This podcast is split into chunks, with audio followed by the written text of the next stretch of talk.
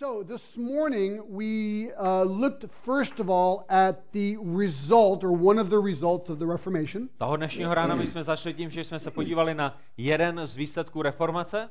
And we looked at the very specific issue of the Protestant work ethic. Dívali jsme se na to velice konkrétní téma té protestantské pracovní morálky, etiky. Then we looked at, if you want, the cause of the Reformation. Potom jsme se dívali, pokud to tak můžeme nazvat, eh, na to, co nastartovalo reformaci. So, of course, I, I give the cause as Luther and especially as Calvin, Mluvili jsme o Lutherovi, potom zvláště o Kalvínovi, but act- actually, you do know it is the Word of God and the gospel that they preached. ale vy určitě víte, že tím, co nastartovalo refo- reformaci, bylo slovo Boží a evangelium, které kázali. So, now, thirdly, this evening, we would like to look at basically the downfall of the Reformation. A dneska, toho dnešního večera za třetí, my se podíváme na to, jak reformace postupně upadala. So, I've called this sermon the spiritual catastrophe. A tak já jsem nazval tohleto kázání duchovní katastrofou. The decline of European Christianity Sestup eh, evropského křesťanství. And France in particular A obzvláště ve Francii. after the Reformation. A potom, co proběhla reformace. So, again, this is somewhat of a historical sermon. Takže tohle to bude opět takové historické kázání, But don't worry, we're going to look at the Word. ale nebojte se, půjdeme také do písma. So, I, earlier I talked to you about uh, the good side of Switzerland, right? Dneska ráno já jsem s vámi mluvil o té dobré straně Švýcarska Well, I'd like to switch countries for a second a já bych se rád nyní posunul do jiné země. and talk to you about France. A chci eh, k vám mluvit ohledně Francie. Has anyone here had a chance of going to France? Byli jste někdo ve Francii? Okay, several people, so you'll be able to relate to this. Krásné, takže vy si to určitě spojíte s tím, co vám budu vyprávět. So, as you know, I live in France and work in Switzerland. Já žiji ve Francii, pracuji ve Švýcarsku. And France is an absolute fabulous place. Francie je úplně uchvatným místem. Let me just throw some, some symbols of France out, okay? já na vás chci hodit jenom pár symbolů, které ve Francii máme. Okay, here's a little French symbol Tady máte jeden malý francouzský symbol. Paris. Paříž. That's a good symbol. To je dobrý symbol pro Francii. How about the Eiffel Tower? Eiffelovka, How about the city of Nice? město Nice. How about Cannes? Kdo? Cannes, C-A-N, you know, the Cannes Film Festival. Tam, kde se odehrává ten filmový festival v Cannes. Yeah, everyone knows about it, right? It's Všichni amazing. to znáte, až na mě? How about the geography of... Everybody except of me. Oh, okay, gotcha. Okay.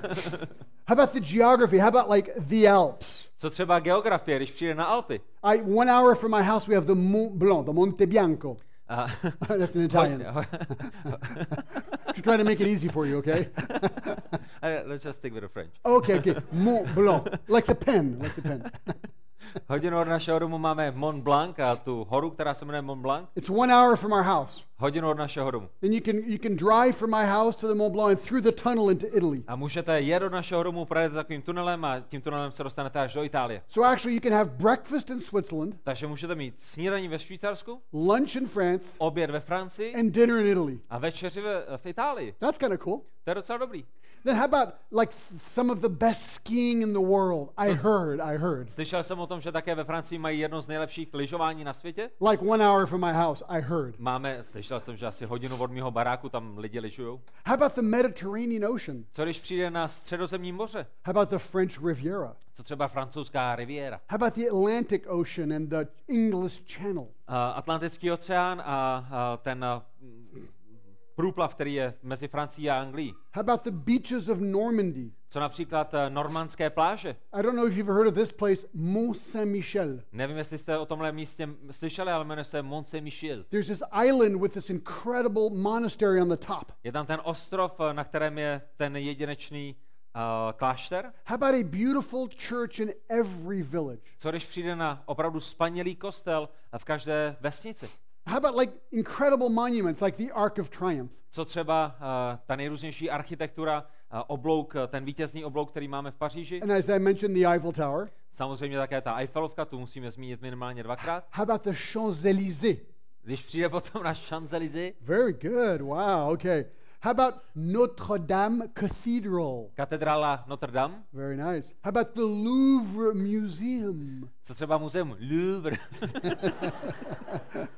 That's good.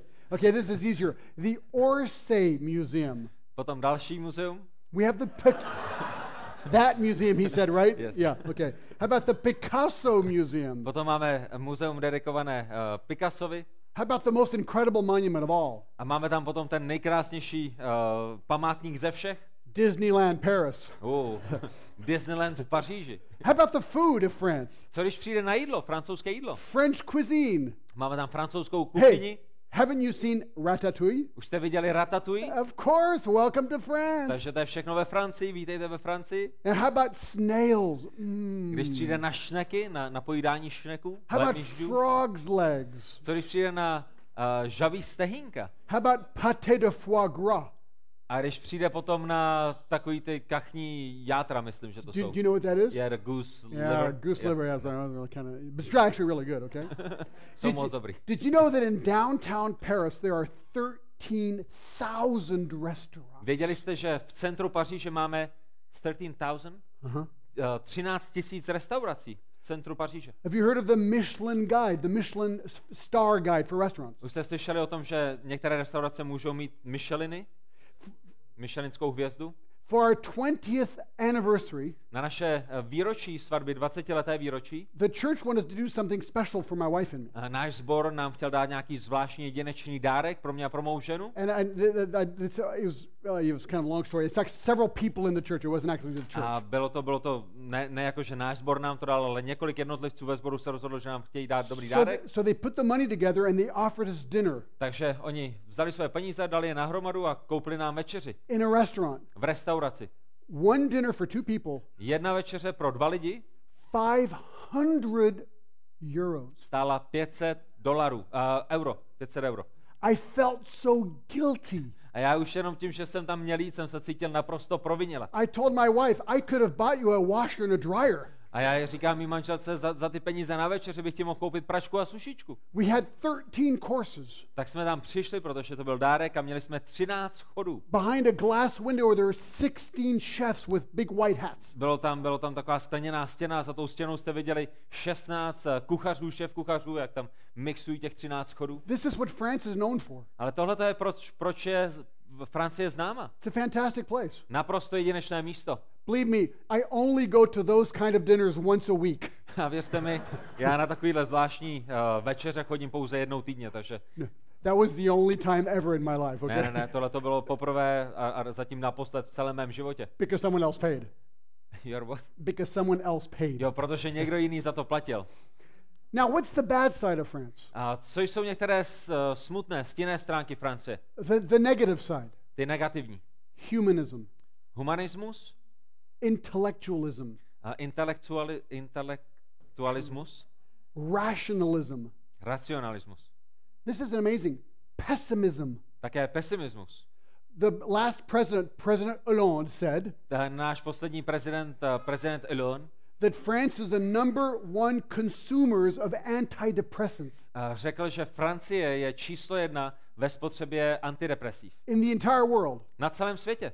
He said that it's proven that the French are more depressed On řekl, že je dokázáno, že francouzi jsou více de, eh, v depresi than people who live in Afghanistan and Iraq. než lidé, kteří žijí v Afganistánu a v Iráku.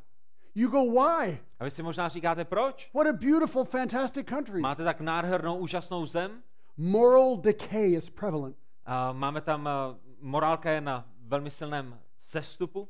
In la- the last president, President Hollande, A ten poslední prezident, kterého jsem zmiňoval, the first lady wasn't even his wife. tak eh, jeho, jeho první dáma Francie nebyla ani jeho manželkou. He wasn't married to her, it was his girlfriend. Byla to jeho přítelkyně, ne, neměli spolu svatbu. And uh, one day, uh, you may have heard the story, možná už jste o tom slyšeli, ale jednoho dne a journalist took a picture of a moped or of a motorcycle leaving the Elysee Palace. nějaký žurnalista eh, udělal fotografii nějakého malého mopedu, který opouštěl ten jeho palác And they analyzed the shoes of the guy on the motorbike a oni potom eh, zkoumali uh, obuv toho člověka, který řídil ten moped, because he was wearing a helmet. protože měl helmu It was President Hollande leaving on a scooter. a byl to, byl to samotný prezident Hollande, který opouštěl ten palác. And he was going, this is public news, this is totally true. Tohle to jsou, tohleto jsou zprávy, tohle je pravda, tohle je, co všichni He ve was Francii leaving vědí. at night, leaving at night to go sleep with his girlfriend. On uh, opouštěl palác v noci proto, aby šel uh, smilnit s nějakou jinou ženou. So when France found out, what did they say? A tak když, uh, nebo svou přítelkyní, když, když to Francie zjistila, co na to řekla? Eh, Ne, no big deal. ne, tak co? Th- This is, this is France. This is the moral decay of France today. Ale tohle je, na jakém úpadku je morálka ve Francii dnešního dne. Strikes are everywhere. Strikes, you know, when people don't go to work. Uh, stávky. Stávky jsou na denním pořádku And they reveal the anger and frustration with authority. a v těch stávkách my vidíme uh, to, to srdce lidí, kteří nemají rádi ty své autority. Uh, sex is prevalent all over France. Sex vidíte po celé Francii. It is an amazing thing about French beaches if you've been there. Jestli jste byli někdy na francouzských plážích, tak uh, to je něco neskutečného. If you're a woman, as soon as you set foot on the sand, A pokud jste žena, tak jakmile vložíte svoji nohu na ten písek, you can take your bathing suit off and that's okay. tak uh, můžete svléct si svoje plavky a je to naprosto v pořádku. At least the top. Minimálně svršek. And I'm going, even in public pools, it's the same way, swimming pools. Když přijdete na veřejný bazén, na veřejné koupaliště, tam je to naprosto stejné. It's incredible. Je to neskutečné. Um, movies have sexual content all the time. Když přijde na filmy, tak uh, jsou tam neustále nějaké scény uh, v tomto okruhu. And I speak of France, but Geneva is very much the same way. A já mluvím o Francii, ale Ženeva je na tom úplně stejně nebo velice podobně. On our lakefront, we have naked women, you know, uh, sunbathing all the time. Když přijde na to ženevské jezero, tak jsou tam nahé ženy, které se tam opalují na denním pořádku. Um, the, society's become very secularized. A tak ta společnost je velmi sekularizována. There's a rejection of anything spiritual, Cokoliv je duchovního, je odmítáno. ignorance of truth. Eh, Naprostá ignorantnost pravdy. The churches are the vestiges of the past. A, a a kostely, které tam jsou, tak jsou pouze eh, pomníky minulosti. They say there's about 96% Catholic, Říkají, že je tam zhruba 96% eh, římské, římského katolicismu maybe 2 or 3% practice. a možná pouze 2 nebo 3% eh, protestantů. There's about 1% evangelical. Uh, 2 or 3% of what? 1% evangelical people in France. And before? Before it was, uh, what did I just say? Two or Uh, 3%. oh, 96% Catholic, 3% practice. Aha, jo, pardon, 96% eh, římských katolíků, ale pouze 3% z těch 96 eh, to praktikují, nebo jsou praktikujícími eh, katolíky, a potom je tam zhruba 1% evangelikálů. Yeah, 1% evangelical. 1% evangelikálů. Now, actually, I am super excited about that A tak to je něco, co, z čeho mám ohromnou radost. because I've lived in, in France for 30 years, Já jsem žil ve Francii 30 let and the number of evangelicals has tripled in 30 years. a za tu dobu, za těch 30 let, ten počet evangelikálů se zdvojnásobil, tak je to radostné. From 0.03% to 1%. A nebo strojnásobil z 0,3% na celé 1%. But that means that 99% of all French people are headed to a Christless eternity. Ale to, co to znamená, je, že 99% francouzů má namířeno do věčnosti bez Krista. 50 million people have no link to an evangelical church. 50? 50 million. 50 milionů lidí nemá žádnou spojitost s evangelikální církví. The third largest Jewish community after the America and Israel are in France. Ta třetí nejrozsáhlejší židovská komunika, uh, komunita po Izraeli a Americe je k nalezení právě ve Francii. 10% of France is Muslim. 10% Francie je, muslims, eh, je muslimská. What's incredible to me A to, co je naprosto nepochopitelné is pro mě, France today has become a terrorist country. je, že Francie v dnešní době se stala teroristickou zemí. Do you remember Charlie Hebdo? Pamatujete si Charlie de Gaulle? Do you remember the Bataclan shooting? Pamatujete si eh, to střílení, které bylo v Bataclan? Do you remember in Nice the truck that killed about 85 people? Pamatujete si ten nákladák, eh, který byl v Nice, který přejel, zabil 95 lidí? This is my country, France. Tohle je moje země, Francie. What happened? Co se stalo? How can this be in the country from where John Calvin came? Jak se tyhle ty věci mohou dít v zemi, odkud pocházel Jan Kalvín?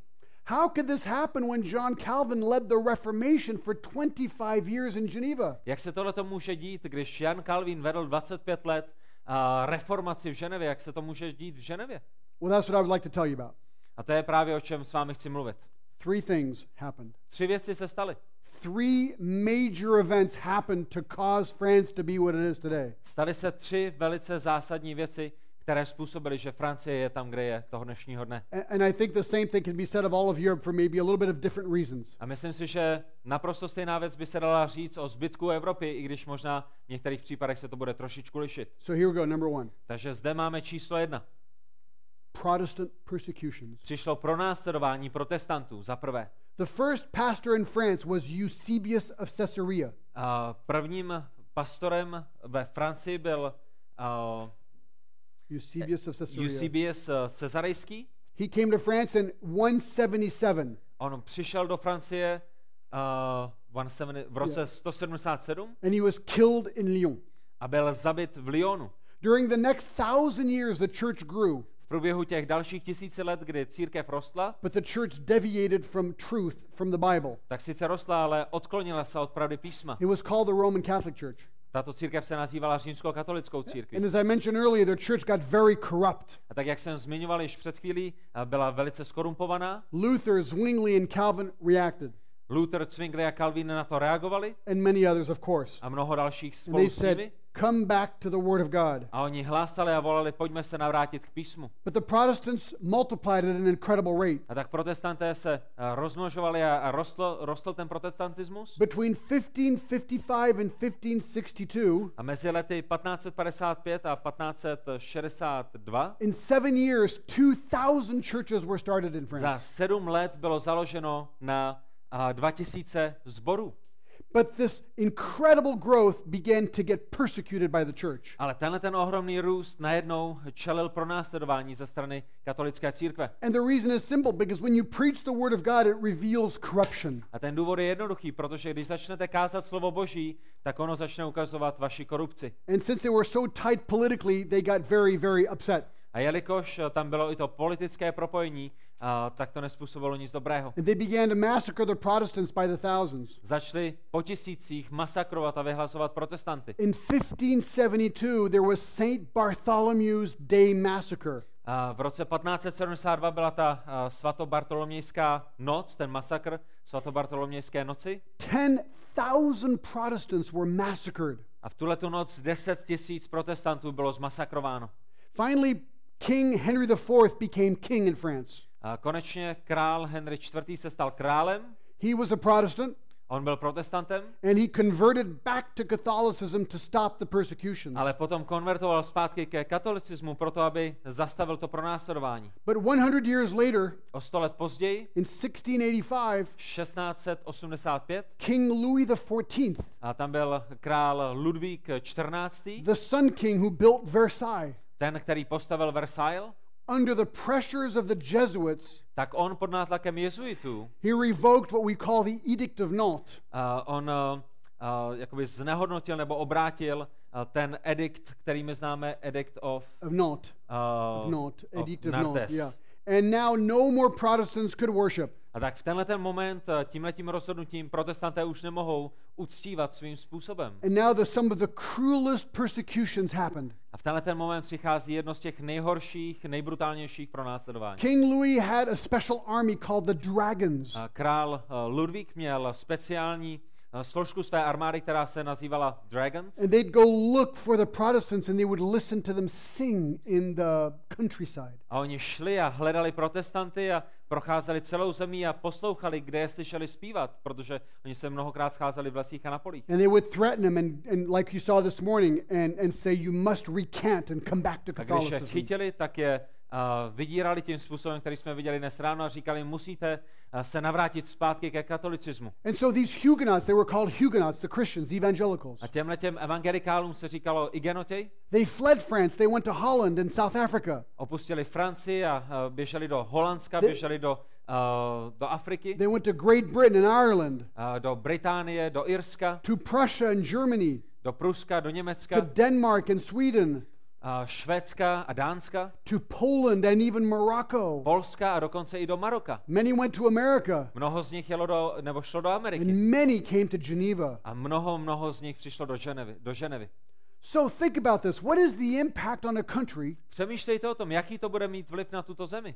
when so many Protestants are massacred or leave it? Když tam máte tolik, eh, takové množství protestantů, kteří jsou zmasakrováni a nebo jsou vyhnáni. Well, here's what one historian says. He's a French historian called Bust. Tady je, co řekl jeden uh, francouzský historik se jménem Bas. He says France under Louis XIV was by far the leading country in the world by its civilization. On řekl, že uh, Francie pod nadvládou Ludvíka XIV. Uh, byla v popředí, byla vedoucí zemí. Versailles was being built, A to je ten moment, kdy je postaven Versailles. But when the Protestant left, Ale když ty protestanté odešli, they took with them their literature, tak sebou odnesli literaturu, their way of life, odnesli sebou svůj životní styl and their industries, the stuff they made a so také, well. a také ty nejrůznější věci, které vyráběli, ten průmysl. And as they went to those countries, they completely transformed those A countries. když oni opustili Francii a přišli do těch všech rozličných dalších zemí, tak právě tyto země proměnili. For example, they brought with them Například jednu z věcí, kterou sebou přinesli, the industry of making felt hats, like hats, tak to byl průmysl, který vyráběl čepice, takový zvláštní typ čepic. silk, Uh, hedvábí, manufacturing techniques, a takové ty nejrůznější vý, výrobní procesy, sheets like when you sleep in your bed, a prostěradla, dyes to make color, a barviva, kterými vyrábíte barvy, paper, papír, buttons, knoflíky, silk stockings, uh, hedvábné punčokáče, jewelry, nejrůznější klenoty, watches, hodinky, lace. a krajky. All these things were produced first in France by the Christians. Všechny tyhle ty věci byly prvotně vyráběny ve Francii uh, protestanty, křesťany. As we saw earlier, they were known to be hard workers. A jak jsme viděli toho dnešního dne, tak oni opravdu tvrdě pracovali, byli dobrými pracovníky. Another uh, bust also says that all of French industry was ruined.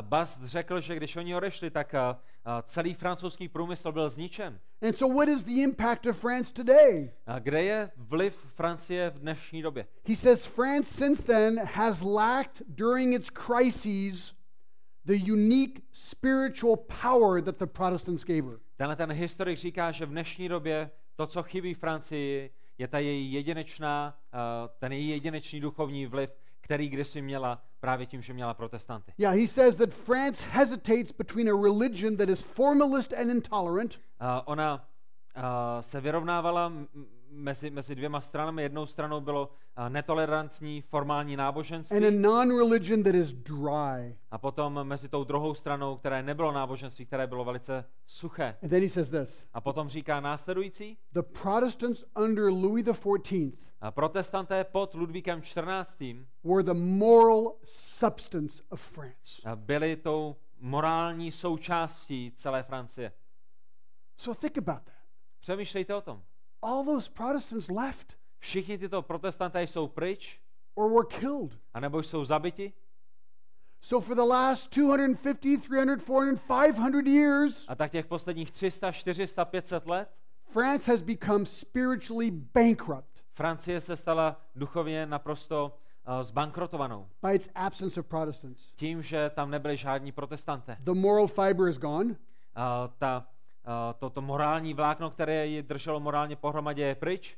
And that's because the first reason of persecution. A je to za prvé kvůli tomu pronásledování.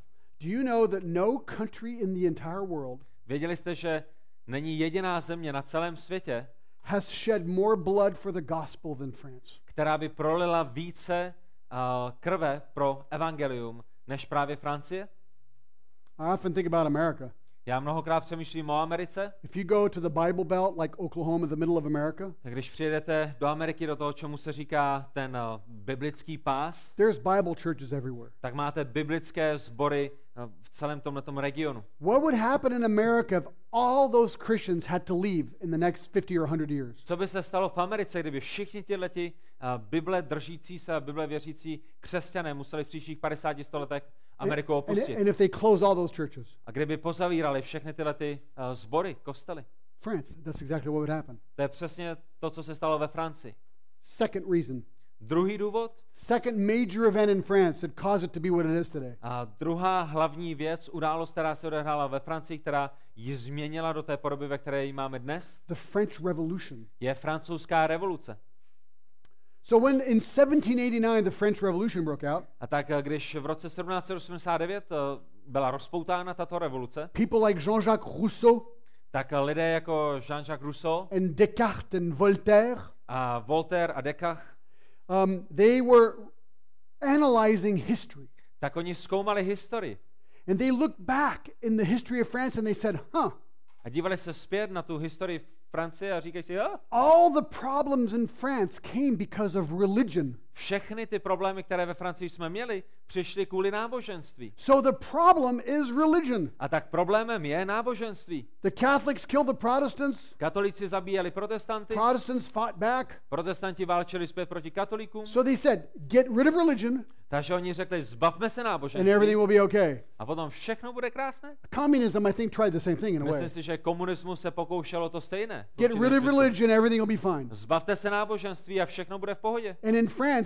and instead, France said they want three things Ale namísto toho ve Francii řekli, že chtějí tři věci. liberty, Chtějí svobodu, equality, chtějí rovnoprávnost and brotherhood. a chtějí bratrství. And that's on every mayor's office today. A když přijdete na, na, na, na úřad, kde sedí starosta, tak to bude na, každém, na každé té radnici na dveřích starosty. Liberté, égalité, fraternité. Just like that. Svoboda, eh, rovnoprávnost a bratrství. And then they, they began to react to the kings also. A oni potom začali reagovat i na krále, které měli. They had wealth and corruption and power. Bohatství, korupce, moc. And the church and the kings were tied together. A samozřejmě církev s králi a s tou vládní mocí byli propojeni. And so France said, let's get rid of the church, A tak Francie řekla, pojďme se zbavit církve, let's get rid of the kings, pojďme se zbavit králů, let's get rid of everybody. pojďme se zbavit všeho a všech. And so on the Place Concorde in Paris, A tak eh, na tom, in a major square in Paris, na tom hlavním náměstí, které ve Francii máme, they had the guillotine, you know, tak tam mají, měli tam gelotinu, and they guillotined King Louis XVI and Marie Antoinette. vzali eh, krále Ludvíka 16. a Marie uh, tamtu a poslali je pod gelotinu. And they got rid of the clergy and the power. A zbavili se veškeré té vládní moci. This is a true story. It's amazing. Tohle je pravdivý příběh. In the big cathedral in Paris, Notre Dame, A v té velké katedrále Notre Dame, kterou máme v Paříži, they put a statue,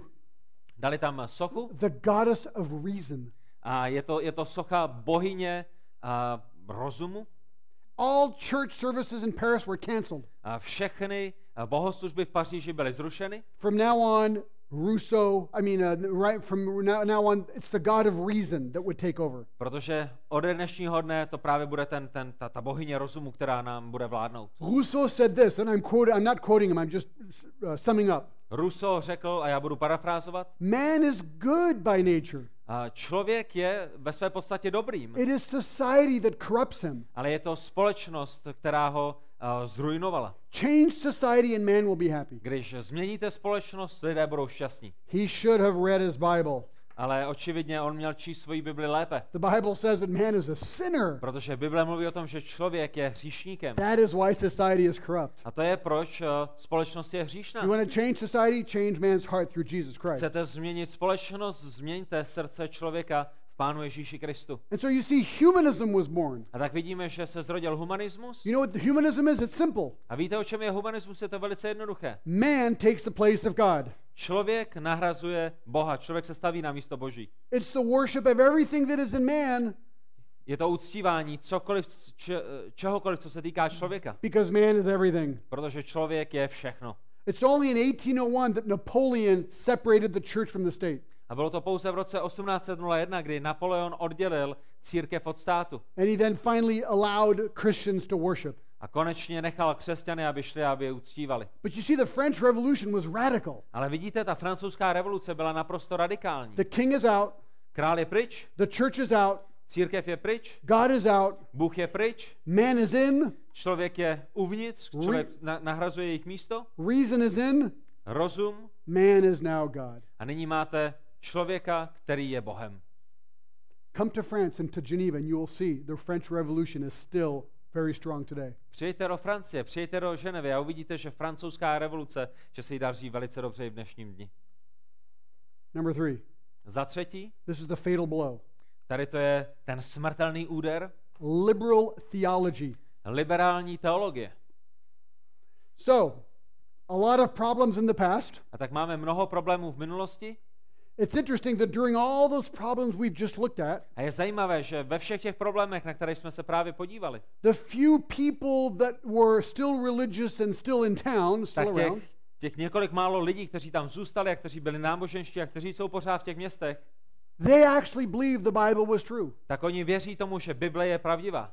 Most Catholics would probably say, yeah, yeah, I believe the Bible is true. Většina katolíků by pravděpodobně řekla, jo, jo, věřím, že Bible je pravdivá. But they would also say that, that tradition is true and the Pope is true. Ale také by řekli, ale tradice je také pravdivá, papež má také pravdu.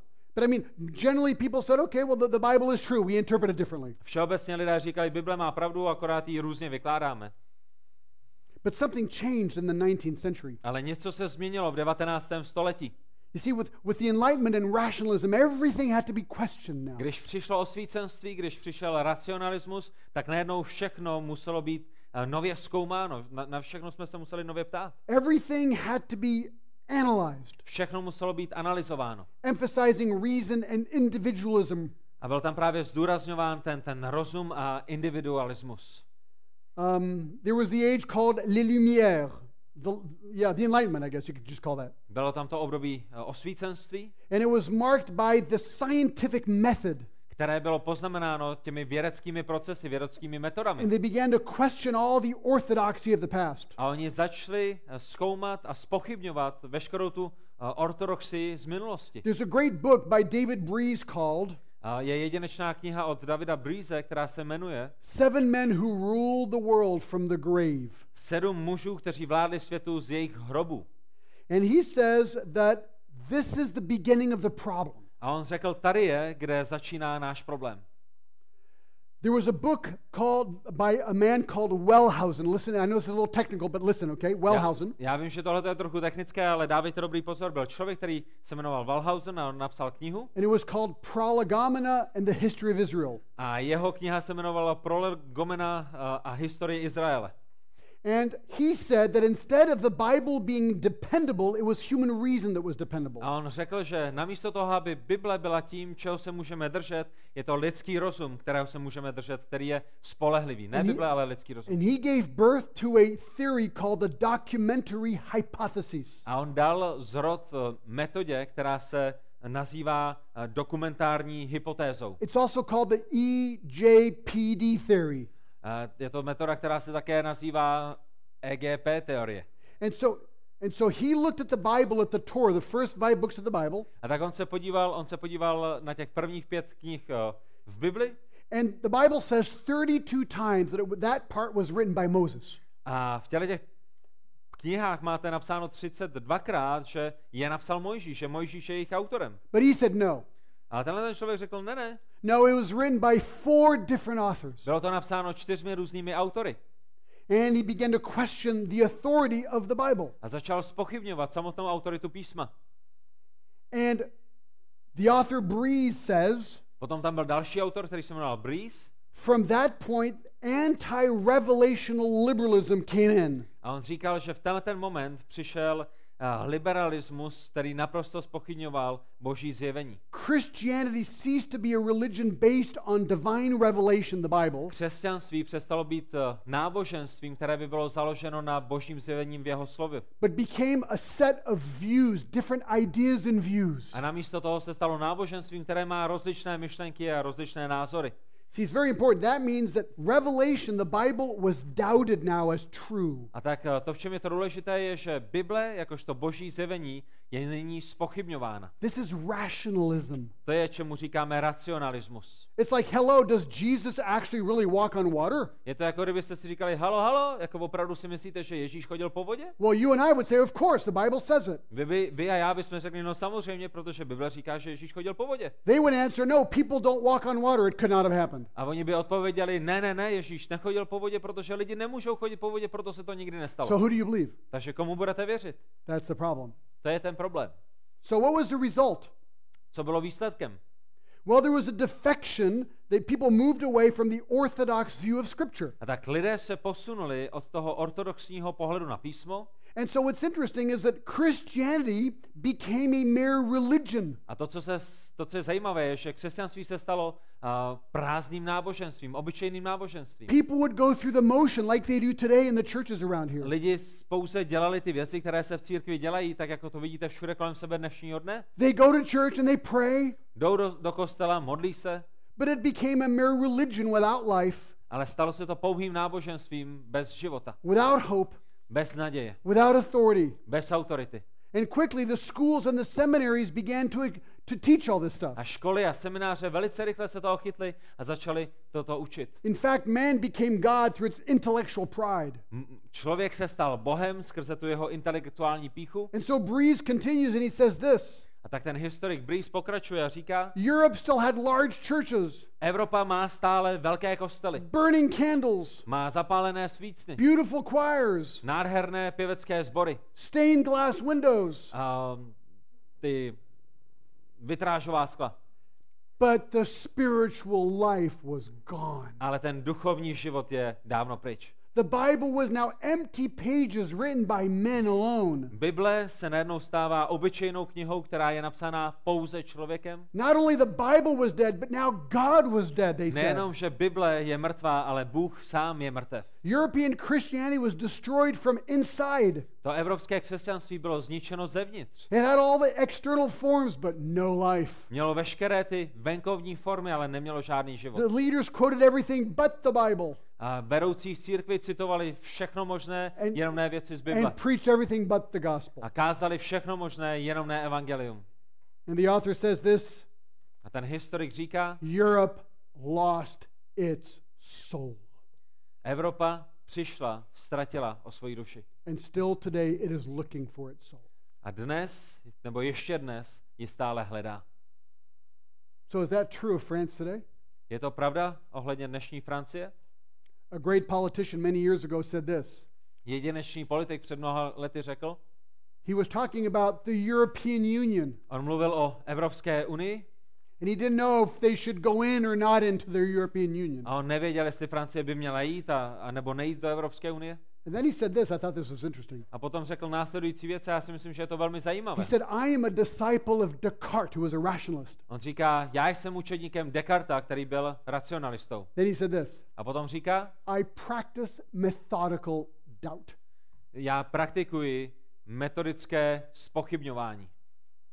When I got to Geneva uh, 20 years ago, my mother introduced me to a pastor there. Když já jsem před 20 lety přijel do Ženevy, moje maminka mě seznámila s jedním kazatelem My mother was a journalist at the United Nations for 25 years. a moje matka byla žurnalistkou pro Spojené národy 25 let She said, Do you want to meet the pastor in Calvin's cathedral? a ona říká, ty chceš jít a seznámit se s pastorem, který je a, v Kalvínově katedrále. I said, Yeah, I really want to meet him. That's A já fun. si říkám, hele, super nápad, to bych moc rád poznal. He said, You'll have 30 minutes. Takže oni mi řekli, budeš mít 30 minut na He audienci, will, he will speak for 20 minutes, ten a, pastor bude mluvit 20 minut and then you'll have one question to ask him. a potom ty máš jenom jednu jedinou otázku, kterou se ho můžeš zeptat. Just one question. Máš jednu otázku? So I thought, Wow, this is kind of cool. So, what question was I going to ask? A já si říkám, hele, tohle je fakt drsný, tyjo, na jakou otázku se ho zeptám? So, we had the meeting. We, Pozor. we had the meeting. Takže přišlo na setkání, He spoke for 20 minutes. on mluvil 20 minut Then he said, Young man, uh, because he was an old man, he said, Young man, do you have a question? a protože on už byl starý, tak říká, mladíku, máš s- otázku? I said, Yes, sir, I have one question. A já říkám, ano, pane, mám, mám jednu otázku. He said, What is the question? On říká, co je to za otázku? So I said this A já mu říkám, I said, Sir, já mu říkám, pane, do you believe in the resurrection of Jesus Christ? věříte ve vzkříšení Ježíše Krista? This was his answer. Tady je jeho odpověď. Yes, spiritually, Ano, věřím v duchovní vzkříšení, but no, physically. ale ne v tom fyzickém smyslu, že Ježíš byl vzkříšen fyzicky.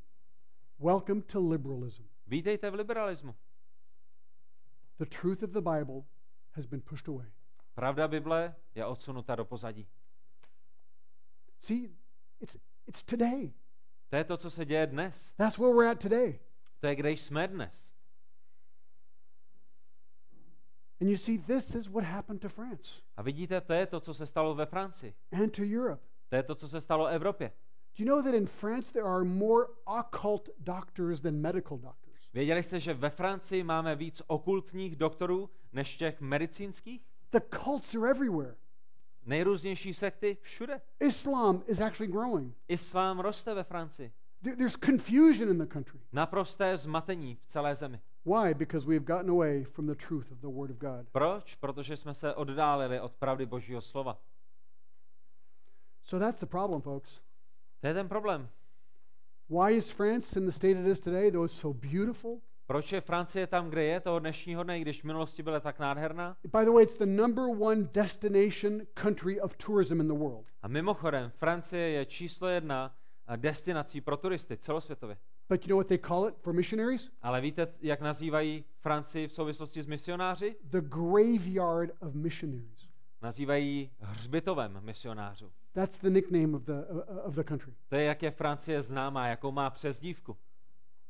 So now that we're all really discouraged, A tak eh, nyní, když jsme opravdu na dně, až jsme v depresi tady z těch věcí, I told you I would open the Word of God, didn't I? já jsem vám slíbil, že otevřu slovo Boží I would like to give you now the solution. a já bych vám nyní rád nabídl řešení této Take- situace. Take your Bibles and open them to Luke chapter 1. A otevřete své Bible do Lukáše, do první kapitoly. I shared some of this to some of you the other day as we were doing a Q&A. A když jsme měli otázky a odpovědi, tak eh, já už jsem to s některými s vámi sdílel ve čtvrtek, But I hope you never, never forget this. ale já doufám, že tohle nikdy, nikdy, nikdy So nezapomenete. if you heard nothing else, wake up now and listen. Takže pokud jste Okay. teďka spali, probuďte se a tohle to je to, co si musíte Can you, read, zapamatovat. can you read the first four verses of Luke 1? I will. Okay. Takže přečteme Evangelium podle Lukáše, první kapitola, první čtyři verše.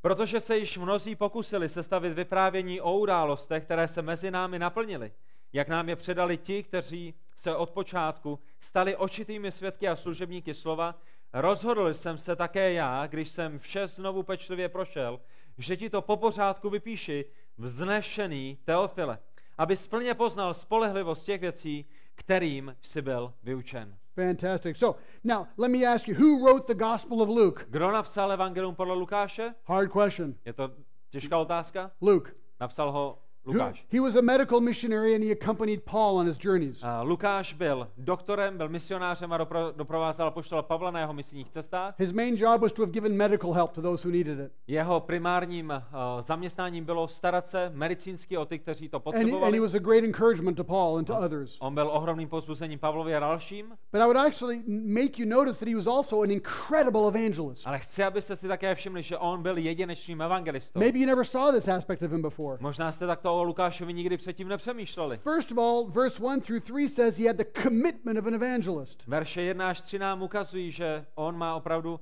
zájem o evangelizaci, že on je oddán He evangelizaci. says it seemed fitting for me to investigate everything carefully from the beginning.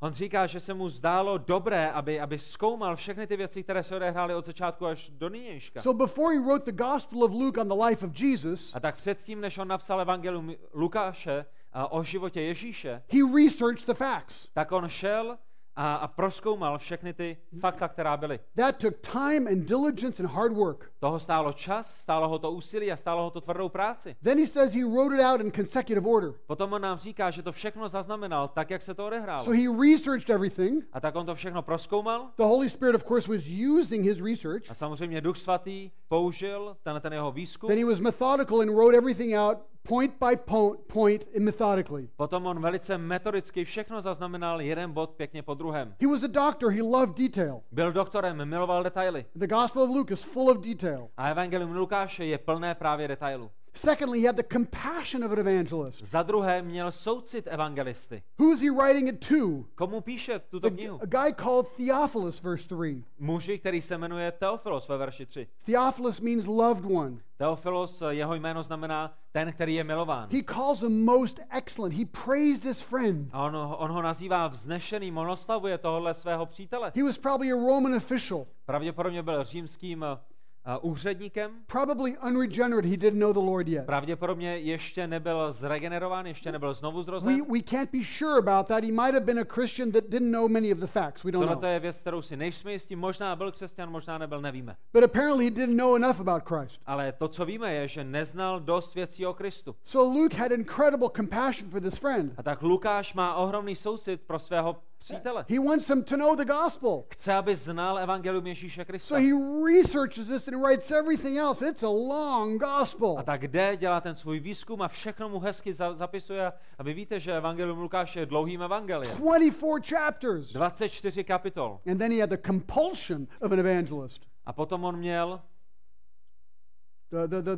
the, the, the, energy of a, of a potom on měl tu energii evangelisty. verse 4 so that you might know the exact truth about the things you have been taught. Ve verši 4 čteme, aby splně poznal spolehlivost těch věcí, kterým jsi byl vyučen. See, we learned something about Theophilus here. A tak my se zde rozvíráme něco o Teofilovi. He had some information about Christ, On měl nějaké informace o Kristu, but not enough to be able to make a clear decision for Jesus Christ. ale neměl jich dostatek k tomu, aby mohl udělat jasné rozhodnutí pro Krista.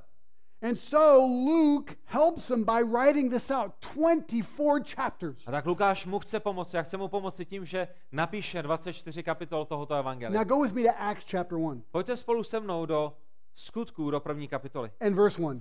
Do první kapitoly prvního verše. This is really cool. Protože tohle je naprosto jedinečné. So now Luke is writing, did you know that? Did you know that Luke wrote the book of Acts? Věděli jste, že Lukáš napsal také knihu skutku? And the book of Acts has 28 chapters. Kniha skutku má 28 kapitol. So why did he write the book of Acts? Proč napsal knihu skutku? Well, verse 1 of chapter 1 tells us. První verš první kapitoly nám to oznamuje. Luke says, The first account I composed, Theophilus.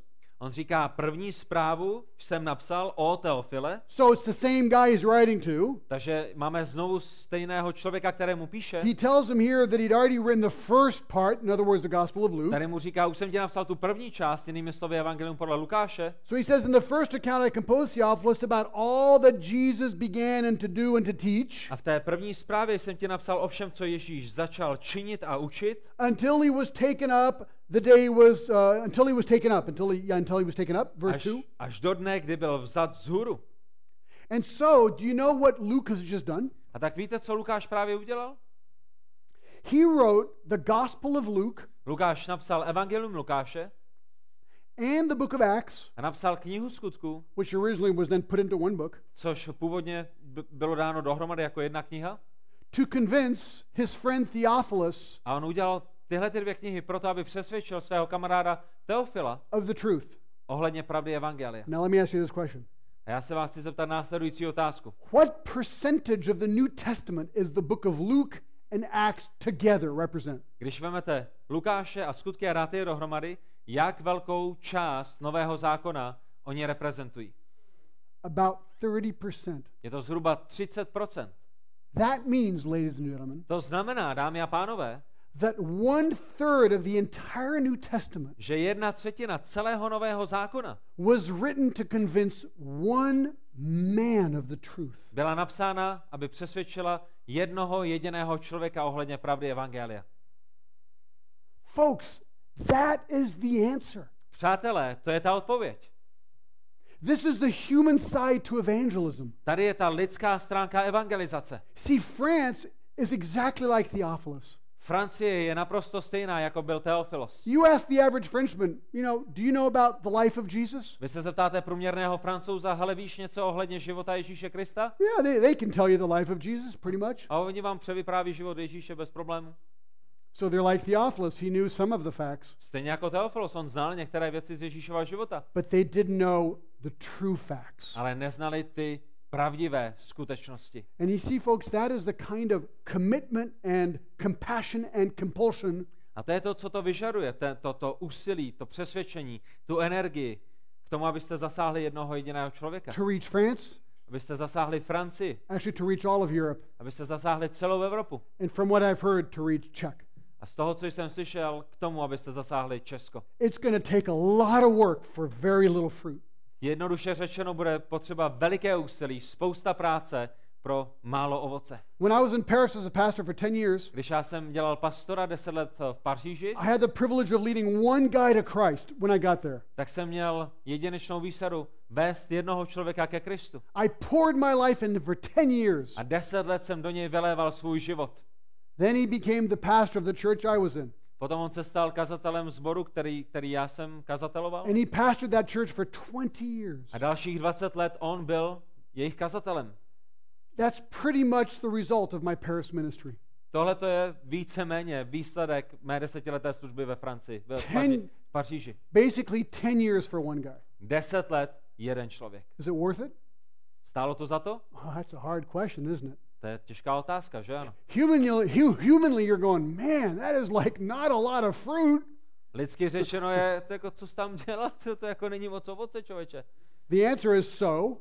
Ale odpověď je jako, no a? You know, we don't even know what happened to Theophilus. My ani nevíme, co se stalo s Teofilem. The Bible doesn't tell us. That's not important. Bible nám neříká, co se s tím stalo. Není to důležité. That, that's God's deal. To je boží zodpovědnost. My deal is, am I committed to the cause? Moje zodpovědnost je, jsem oddán Evangeliu Ježíše Krista. Now, let me show you another thing. This is really amazing. Chci vám ukázat další věc, která je dech beroucí. Go with me to Matthew 9:35. Pojďte spolu se mnou do Matouše 9, 39 Matthew 9:35. A 35. Now Matouš we're- 9, 35. Now we're not talking about Luke anymore, but about Jesus. Už nemluvíme o Lukášovi, budeme mluvit o Ježíšovi. Now, my, uh, uh, um, Matthew 9:35 says something amazing. Matouš 9.35 zaznamenává něco jedinečného. Uh, Jesus, Jesus, he can read verse 35. 35. verš. Ježíš obcházel všechna města i vesnice, učil v jejich synagogách a hlásal evangelium království a uzdravoval každou nemoc a každou slabost v lidu. Can you read Luke 4:40 also? Když přečteme Lukáše 4.40, Luke 4:40 also is more specific about what Jesus was doing. tak a, tam dostáváme více detailů ohledně toho, co Ježíš dělal. Lukáš 4.40. Když zapadalo slunce, všichni, kteří měli nemocné různými chorobami, přiváděli je k němu, on pak na každého z nich vkládal ruce a uzdravoval je. Okay, now listen to this, folks. Poslouchejte tuhle tu věc. Jesus based his ministry in Capernaum. Ježíš, ta základna Ježíšovy služby byla v Kafarnaum. He lived there for about three years. Tam žil zhruba tři roky And the Bible tells us here that he taught everywhere, a Bible nám říká, že on všude he vyučoval, preached the gospel everywhere, hlásal evangelium všude, kde byl, he healed the sick. uzdravoval nemocné I mean, at one point, he literally healed everybody in Capernaum. a v jeden moment uzdravil všechny, doslova všechny nemocné, kteří byli v Kafarnaum. So Capernaum had living there the Son of God, A tak Kafarnaum má mezi sebou živého syna božího. preaching sermons and doing miracles. Káže kázání, dělá zázraky. Now go with me to Matthew 11. A pojďte nyní do Matouše, This is incredible. Matthew 11, verse 23 and 24. Matouš 11. kapitola, 23. a 4. verš. And he's talking about Capernaum. Jesus is talking to Capernaum, A okay? Ježíš tady mluví ke Kafarnaum. And he says this. Go A ahead. tady je to, co jim říká, 23. verš. A ty, Kafarnaum, budeš snad vyvýšeno až do nebe? Až do podsvětí budeš strženo, neboť kdyby se v Sodomě staly mocné činy, které se staly v tobě, zůstala by až do dnešního dne.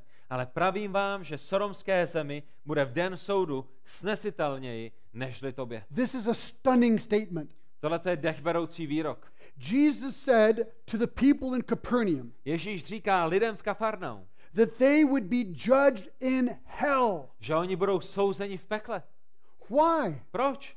Because they rejected everything Jesus had to say overall. Protože nakonec odmítli všechno, co tam Ježíš hlásal. They had much greater light than anybody else. Měli daleko více světla než kdokoliv jiný. I mean, Jesus, it's like if Jesus was living right here in Kromeritz. Je to jako kdyby Ježíš žil přímo tady v And, every, and everyone said, ah, forget it. A všichni by řekli, já zapomeňte na něj. Suppose if suppose he healed everybody in Kromeritz today. Představte si, kdyby Ježíš dnešního dne uzdravil všechny nemocné v Kroměříži. Suppose he went to the nearby place and preached, preached, and preached, and people Představte came. si, kdyby šel na náměstí a kázal a kázal a kázal. And they said, ah, forget it. A lidi by řekli, já běž do háje. That's exactly what happened in Capernaum. To je přesně, co se stalo v Kafarnau. And he condemned them to hell.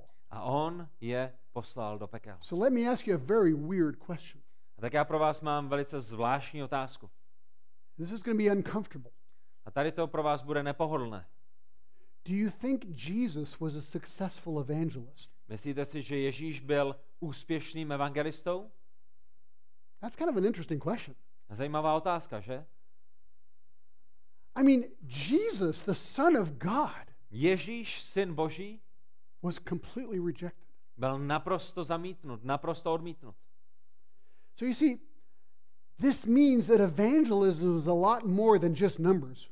To, co nám to ukazuje, je, že evangelizace je o něčem daleko více než jenom číslech. I mean, bearing fruit is what we want. We'd like to see fruit, right? My rádi neseme ovoce, nesení ovoce je to, po čem všichni toužíme, to je to, co máme rádi, But Jesus was a complete failure in Capernaum if fruit is the criteria. ale pokud ovoce je tím kritériem, potom Ježíš eh, naprosto zklamal, když přišel na Kafarnaum. So am I.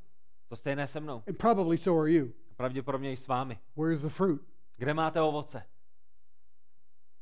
So, what is successful evangelism? Jak vypadá úspěšná evangelizace? Jak vypadá úspěšné evangelizování?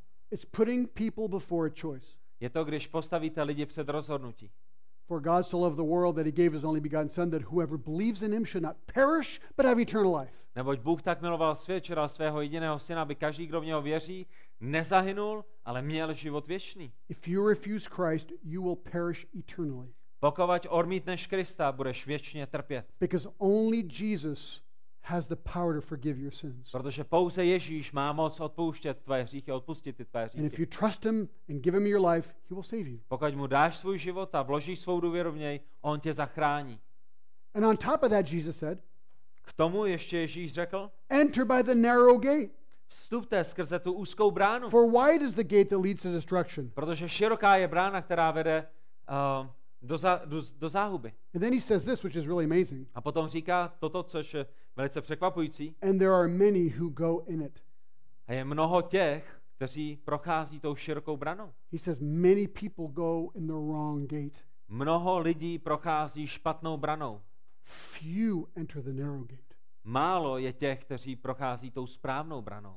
Few people find it. Málo lidí ji nalézá. So, what is my job? Co je moje práce? Parable of the sower. I sow the seed. Moje práce je to, co dělá rozsévač v podobenství o rozsávači. My zaséváme semeno Evangelia. I keep sowing.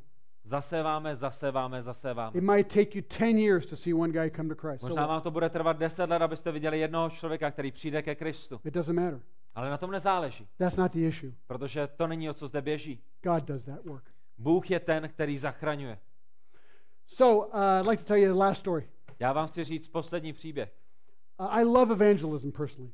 Miluju evangelizaci. Uh, Is the video going to work or not? Is that going to work? Máme tady to video? Bude Okay, to we, so let me fungovat? finish the story, then we can. We'll Já you. napřed řeknu ten příběh a pak si ho zkusíme pustit. So about um, about uh, 20, no, about 15 years ago, Asi před 15 lety I was in my house and I was depressed because uh, no one was coming to Christ.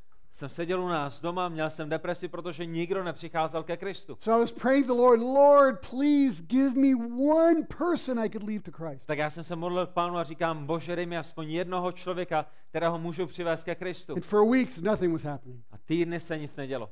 So uh, I was in my kitchen in my house, Byl jsem u nás v kuchyni, and I get this phone call zazvonil telefon from a guy in America. člověka, který je v Americe. He says, My name is so and so. A on říká, já se jmenuji tak a tak. He says, Are you John Glass? And I go, Yeah. A on říká, jste John Glass? A já říkám, jo. He says, Would you like to be the chaplain of a hockey team? A on říká, uh, Or pastor of a hockey team? líbilo by se vám, kdybyste byl kaplanem hokejového týmu. I said, What? Já říkám, co? I said, well, What do you mean, a chaplain of a hockey team? Jako, co, co, co ti myslíš, dělat kaplana hokejovému týmu? I said, I, I don't like hockey. Nemám rád hokej, I'm not into sports. uh, nemám rád sporty. Uh, is this a joke? Děláš si ze mě srandu, nebo jako o co jde? And I said, You know, by the way, there are no chaplains in any teams in Europe. Then I knew, at least in Switzerland, I knew that there were none. They, they A, didn't a, a, exist. a říkám mu, a ještě k tomu, nejenom, že nemám rád hokej, ale nevím o jednom jediném kaplanovi v celé Evropě, který by byl kaplanem nějakého sportovního týmu. He said, No, this is not a joke. A on říká, ne, ne, ne, já si nedělám legraci. No, uh, a very wealthy American man just bought the Geneva team. A je jeden velice bohatý Američan, který právě koupil ženevský hokejový tým. Switzerland has very, very good hockey, Švýcaři mají velice dobrý hokej. and you guys do too. A, a not, any, not, Not anymore? No, oh, no, I'm sorry. Really? What happened? Yeah, I'm so sorry. Oh, sorry, sorry. That was like, oh, bad thing to say. Okay. so I'm so sorry. That's okay, fine. Okay. It's just they need to face the truth. Okay. okay.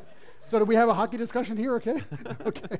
So anyway, what was I saying? Uh, yeah. So so there's very good hockey in Geneva. Takže v Ženevě velice dobrý hokejový tým, tenhle ten bohatý Američan ho koupil. He said we did research and we found you, A my jsme, my jsme zkoumali lidi v Ženevě a našli jsme právě tebe. and we think you should be the chaplain. A myslíme si, že ty bys si měl být kaplanem tohohle hokejového týmu. I'm going. This is like weird. A já si říkám, tohle to je hodně divný. He said go down and meet go down and meet the coach. A on mi říká, ne, ne, ne, hele, zbal se a běžte se seznámit s koučem. So I went down and met the coach. Tak já jsem šel, potkal jsem kouče, trenéra, And he's a Canadian guy.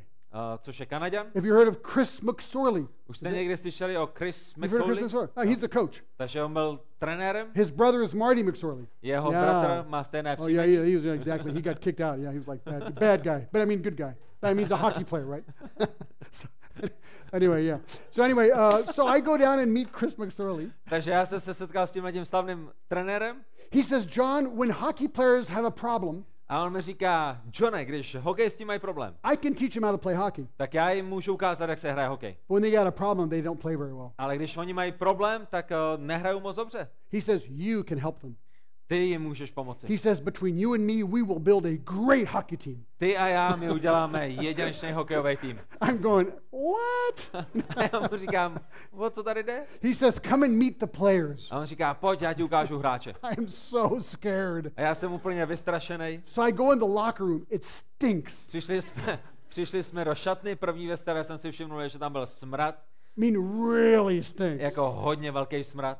And so I walk in there, and they're looking at me, Tak já jsem tam přišel, oni na mě koukají. and I know what they're thinking. Mě, mě jasný, na co mysleli. Why is there a pastor in this locker room? Proč tady v té šatně máme tohohle kazatele? And I'm thinking, A já si říkám, why is this pastor in this locker room? já si říkám, proč v téhle šatně je kazatel? I give a four minute talk, Čtyři minuty jsem k ním mluvil and I get out of there. A vypadnul jsem. And I'm just thinking, this is this is horrible. říkám si, tohle je fakt špatný nápad. So I go home and I go, okay, what do I do? Říkám si, co budu dělat?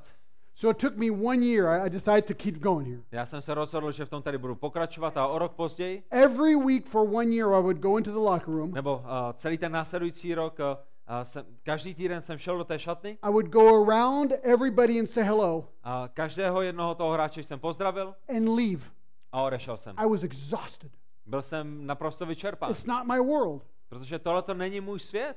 So one of the coaches realized I was nervous. A jeden z těch uh, trenérů si uvědomil, že jsem nervózní He said, Here's the key a on říká, tady je klíč. bring them brownies. Přines jim, přines jim brownies, přines jim něco sladkého. My wife makes incredible brownies. A moje žena dělá ty nejúžasnější brownies, který jste kdy jedli. hot and gooey.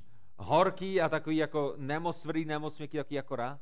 So for the last 13 years, A tak posledních 13 let I take hot, gooey brownies já every beru week. tyhle ty horký brownies, které jsou přesně rá. And when I walk in, they go, Yay, John is here. A když já přijdu do té šatny, tak se celý ten tým raduje a říká, jo, John je tady. And for the last 13 years, I have done that. A posledních 13 let to je to, co dělám.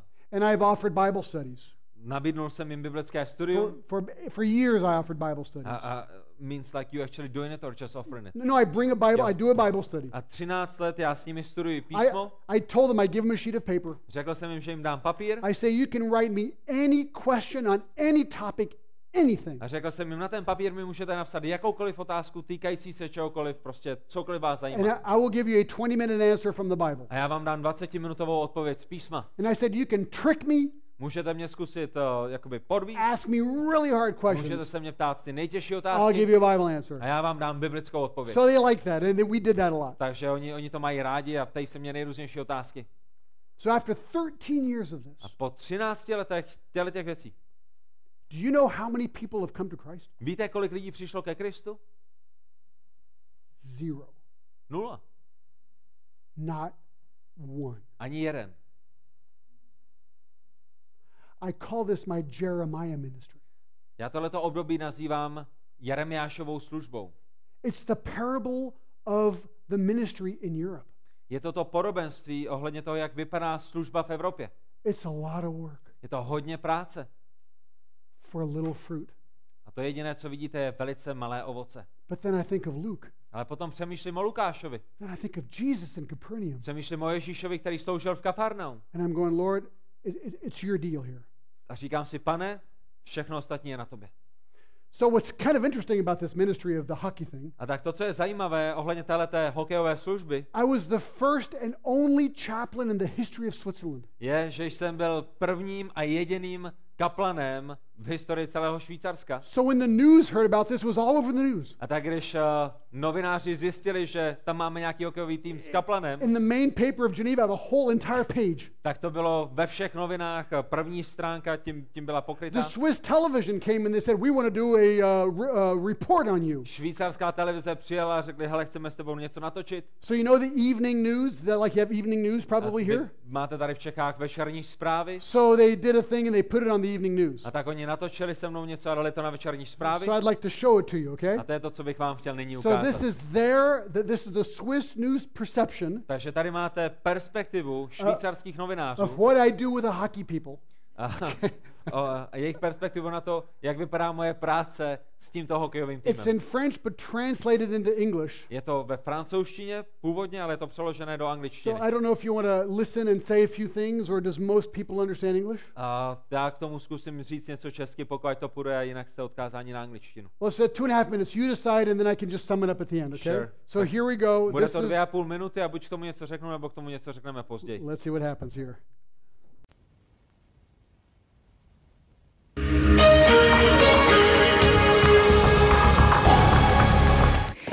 In sports still, but this time in the world of hockey, it is a unique situation in Switzerland.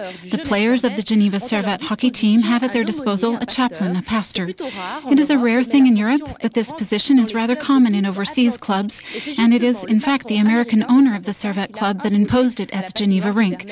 Reporting are Annelies von Bergen and Marilo Machila.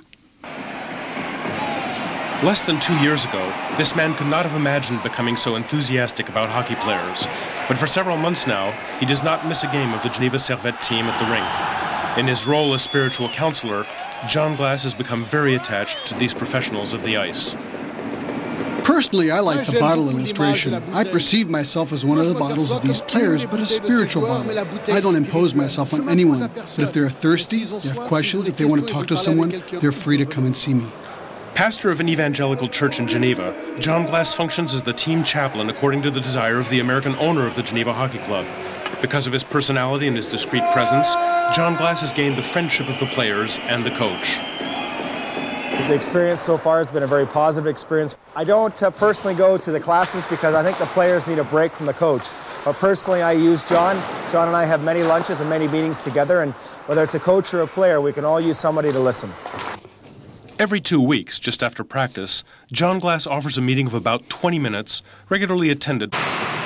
For me, this is my first experience with this program, but I think it is quite good and it allows us to share our opinions with someone else from another world. We talk about uh, issues with whether it's hockey or whether it's our lives, marriage or raising families or whatever it is, and uh, it's a good way for us to to have uh, some religion. I understand perfectly well how some people could use these kind of services. Do you use his services? No, but as long as it stays optional, it's good. Personally, I do not need to go see a chaplain or psychologist. Sports and religion may seem to be two very different worlds, but as this experience shows, human preoccupations often go deeper than athletic challenges. I hope this encourages you here in Czech. Doufám, že vás to pozbudilo tady v Čechách. You know, I know it's hard. I know it's hard here. Já vím, že v Čechách je ta práce velice těžká, Well, we're in this together. Amen. ale my jsme v tom společně. So let's go ahead and thank the Lord. Lord, we thank you so much. Bože, my ti děkujeme. And I pray that you would encourage each and each and every one of us Modlím se za to, aby si pozbudil každého jednoho z nás. to just keep going and sowing the seed. Abychom vytrvale zasévali semena Evangelia. May you be blessed and may you be worshipped. Ať ty jsi ten, který je oslavován a který je požehnán. And we thank you in Jesus' name. A my ti děkujeme. Amen. Pána Ježíše. Amen. Amen. Okay, thank you.